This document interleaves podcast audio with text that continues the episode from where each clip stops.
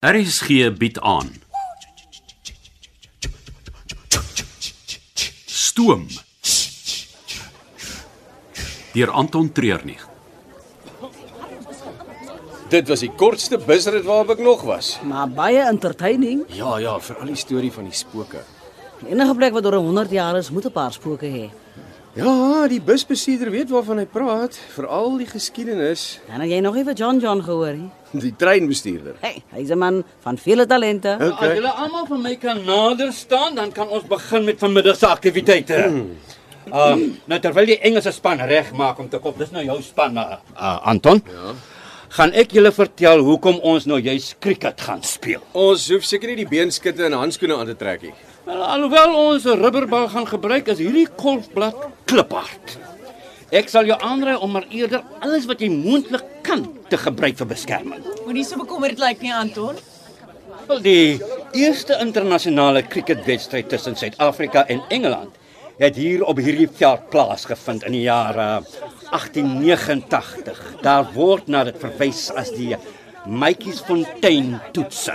Hoekom hier in die middel van nêrens? Al die eienaar van die stasie en die hotel, James Logan, was 'n groot cricketaanhanger en vir hom was dit 'n manier om die dorpie op die map te plaas. Hy het die crickettoer geborg en dit het gewerk. Baie bekende mense het al hier tuis gegaan. Onder andere uh, Winston Churchill se pa, 'n sultan van Zanzibar en die astroloog David Gill. En dit alles oor cricket. Dit en die skoon droë lug. Die hotel het na die boereoorlog 'n spa geword vir Europeërs met long en borsprobleme. Maar ek vertel hulle meer na die wedstryd. Kom ons speel nou eers.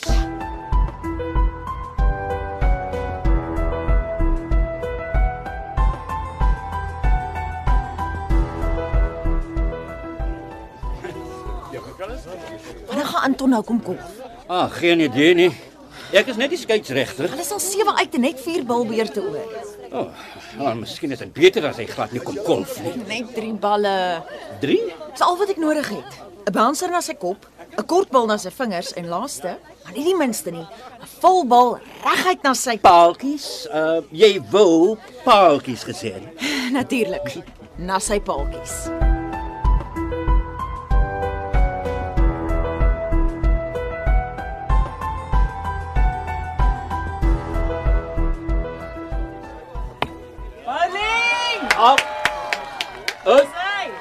Ja, dis die agste paaltjie wat val.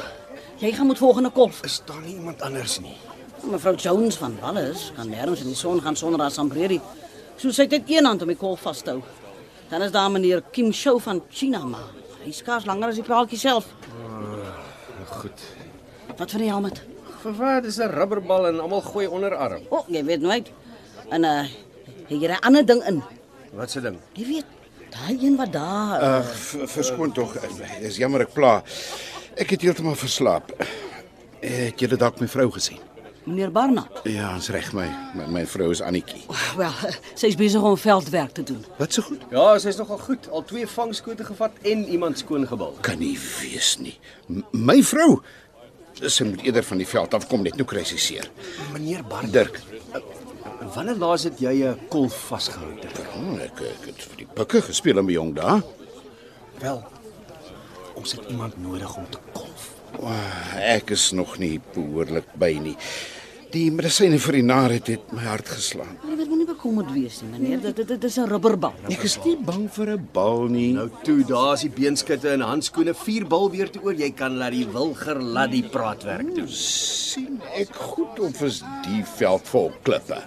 Dit is die Karoo. Sterkte en pas op, die bal wip lekker hoog.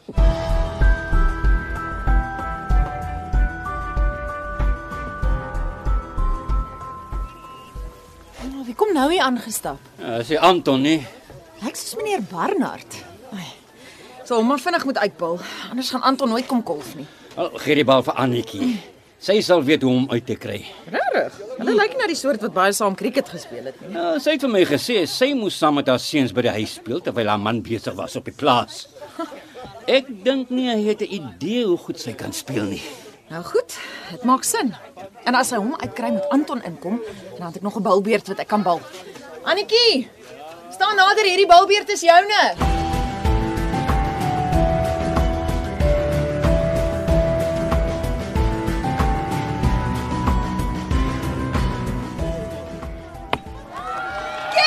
Dis Annetjie.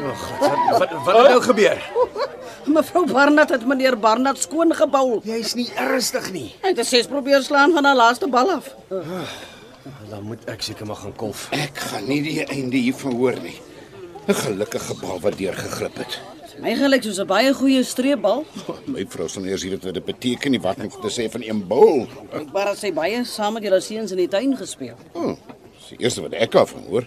Ek het so 'n idee dat daar op die toer baie eerstes vir julle gaan wees, meneer Barnard. OK, 3 bal weer te oor. Dis 18 balle. Lyk asof Nina die volgende een gaan bou. Ons kort nog 22 lopies om by 100 uit te kom. Dis 'n bietjie meer as 'n lopie per bal. Maar ek dink jy moet jou te veel daaroor bekommer, hè.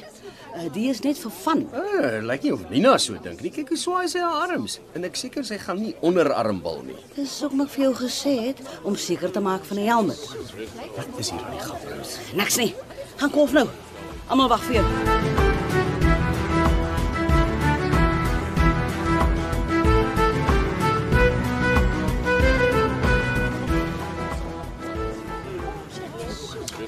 Jy sal seker nie omgee as ek 'n paar tree aanloop neem nie.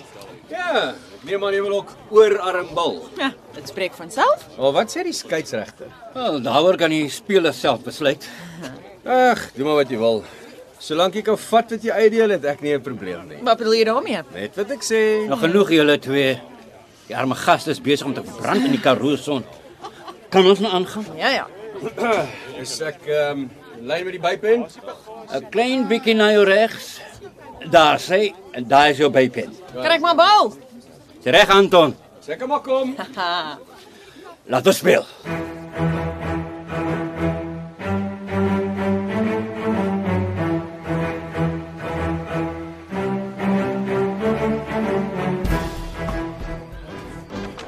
Gesondheid. Hoe voel jy, Ribbes? Seer.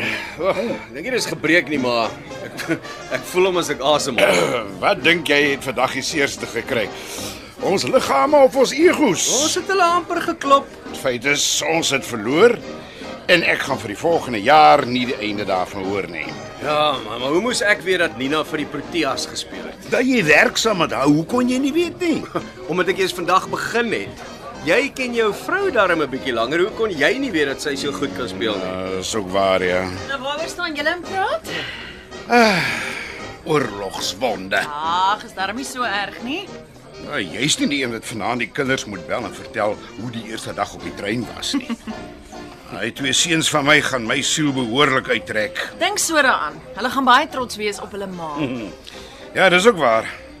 Dis seker nie so erg nie. Hey, jy's Nee, nie die een wat met die gebreekte ribbes sit. Uh, dis net gekneus. Ja, omdat dit 'n rubberbal was. As dit 'n leerie een was, dan was my rib af. Ek was verbaas dat jy aanhou kolf het. Hoe sou dit gelyk het as die sekuriteitshoof van die veld afstap na een bal omtref? Jy het my vir 2 vure geslaag. Geluk. Ek het net die kolf geswaai en gehoop ek tref iets. Dit was 'n goeie wedstryd en jy het niks om oor skaam te wees nie. Skaam. Nee, nee, nee, nee, glad nie. Ek's net klaar besig om te beplan hoe ek jou gaan terugkry. As jy besig om my te dreig, meneer Mostert? Nee, maar juffrou Smith sien dit eerder as 'n belofte. Nou, nou begin hierdie trein ter plekke raak. Wes kom maar julle. My vrou wag nou al lank genoeg vir 'n drink ding. Reg. Ek hoop hier is drank in jou hand nie. Die glas is vol water. Ja. Hey, ek was klaar by die trein om seker te maak dat al die waans behoorlik gesluit is.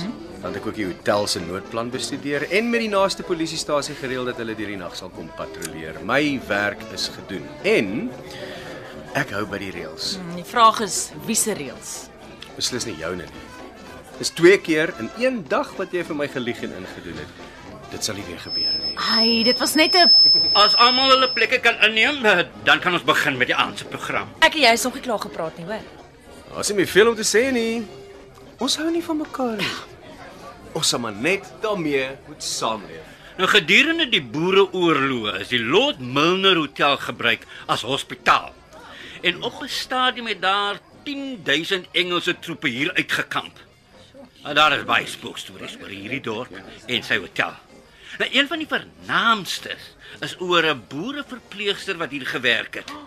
Sy was jonk en mooi en eh, baie goed met kaarte.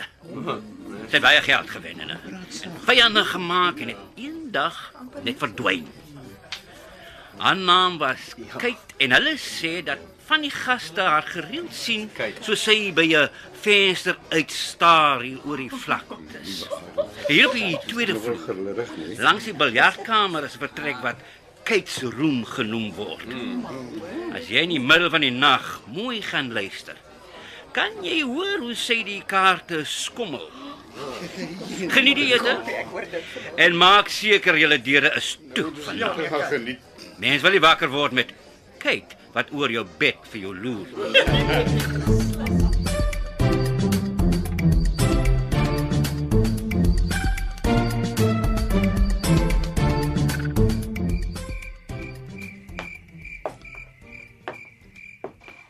Ek weet nie of jy 'n spook of 'n mens is nie. Maar my klok 179 mil pistool se loop wys in jou rigting. Die 17 sê vir jou hoeveel patrone hy kan vat en as ek die sneller inhou, sal hy aanhou skiet tot die magasyn leeg is. Een van daai patrone sal jou tref. Dis Dirk Barnard. Asseblief moenie skiet nie. Ek gaan die lig aan sit. Staan net mooi stil daar waar jy is. Dirk. Vir wat sluip jy so in my kamer in? Ek wou nie die ander mense wakker maak nie. En as ek geskiet het, dan was hierdie hele hotel in rep en roer. Ek dink daar's iemand wat rondkrap by die treintrokke. Ons trein. Daar's nie enige ander hier in die middel van nêrens nie.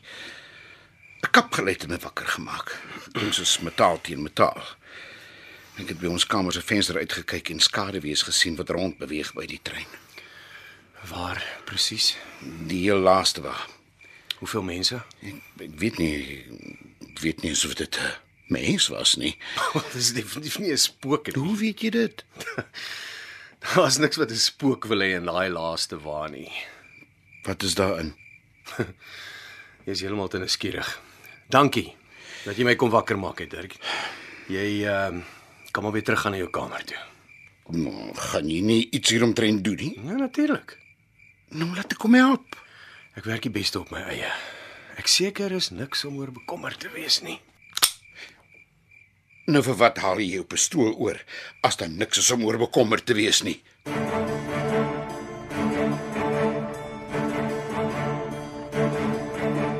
Jy het geluister na Stoom deur Anton Treurnig. Die tegniese en akoestiese versorging is gedoen deur Cassie Lauis en die spelleiding is behartig deur Ronel Geldenhuys. Tjoe, tjoe,